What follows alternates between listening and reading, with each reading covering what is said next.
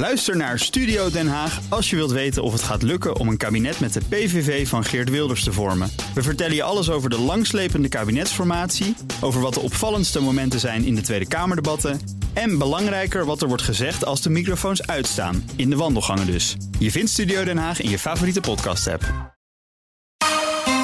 BNR Nieuwsradio. De wereld. Bernard Hammelburg. Mijn gast is Hubert Smeets, voormalig Rusland-correspondent, NRC-columnist en oprichter van Raam op Rusland.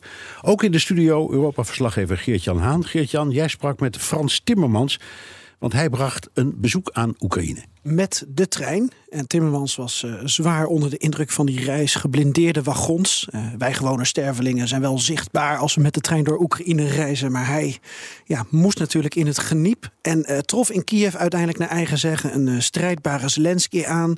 Ondanks de situatie bij Bakhmut en Soledar. Maar Timmermans was daar om te praten met Zelensky. En ik heb even geteld zeven ministers in één dag. Dat is een aardige werkdag dan. Uh, over een groen Oekraïne. Nou is Oekraïne een vrij vies, uh, milieu-onvriendelijk land. En de oorlog verwoest ook nog eens die prachtige natuur.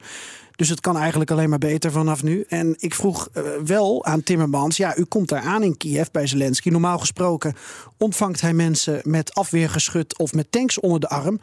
En u heeft een brochure van de Green Deal. Is dat niet een beetje gek of ongepast? En dit was zijn antwoord. Bij de Europese Commissie hebben wij geen tanks, uh, hebben wij geen wapens om uh, te geven.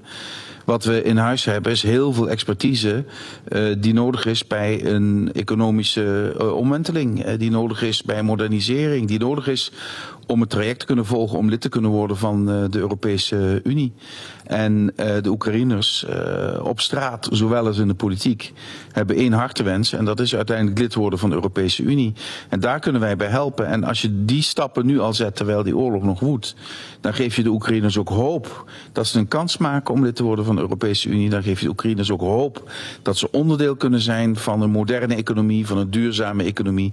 Ze willen het allemaal graag. En, en onze taak bij de Europese Commissie is om uh, ervoor te zorgen dat we ook de, de concrete stappen zetten. Ja, en er spelen hier volgens Timmermans dus een aantal dingen. Eén, Oekraïne wil bij de EU. Nou, dan moet je toch een veel groenere economie hebben. Meegaan in die transitie die Timmermans nu in de EU al inzet als, als klimaatpaus. Twee, als je over wederopbouw gaat praten in Oekraïne. Ja, in de visie van Timmermans kun je het dan beter nu op een bepaalde manier goed doen in zijn ogen dan dat je nu weer uh, een grijze wederopbouw hebt en over een paar jaar een groene wederopbouw nodig hebt. Waarom niet nu al nadenken over groen staal in plaats van grijs staal?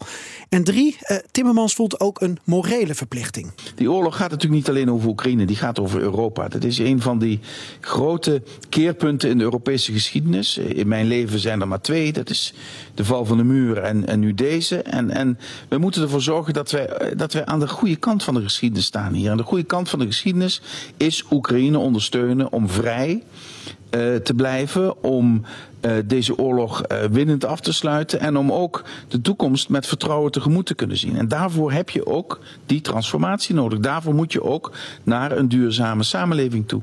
Even een Hubert Smeets, heeft Timmermans punt? Ja, um, Oekraïne is een land met een hele ingewikkelde geschiedenis, met een buitengewoon beroerde bestuurscultuur.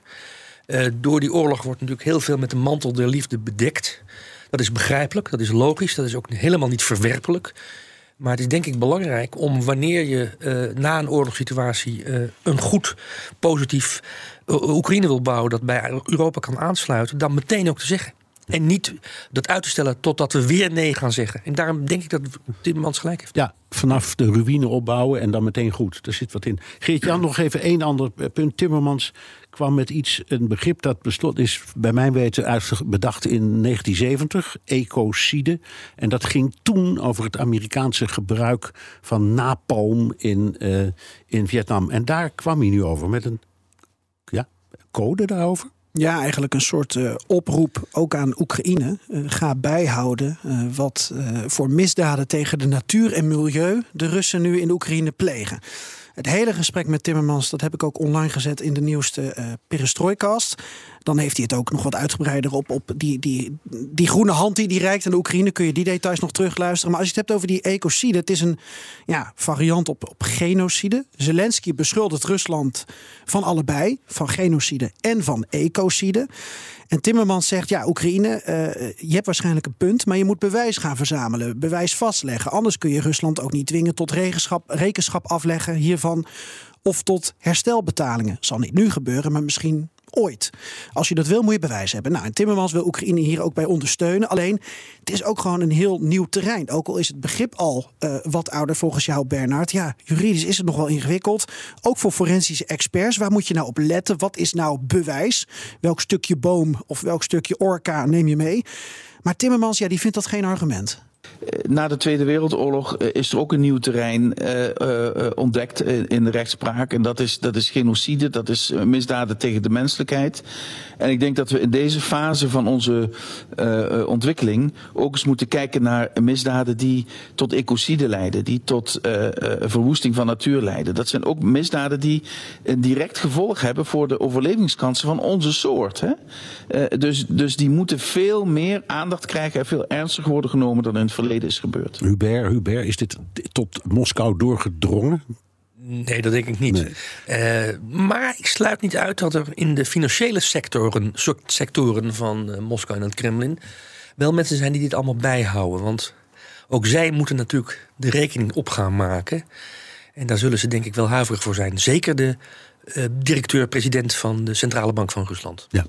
Gert-Jan, dankjewel. Interessant verhaal weer van uh, we gaan luisteren naar de Perestrooikast, uiteraard. Ook Harm Edens vind je in de BNR-app. Je kunt BNR Duurzaam niet alleen live luisteren in de app, maar ook terugluisteren als podcast, zoals al onze podcasts. En naast dat de BNR-app Breaking News meldt, houden we je ook op de hoogte van het laatste zakelijke nieuws. Download nu de gratis BNR-app en blijf scherp.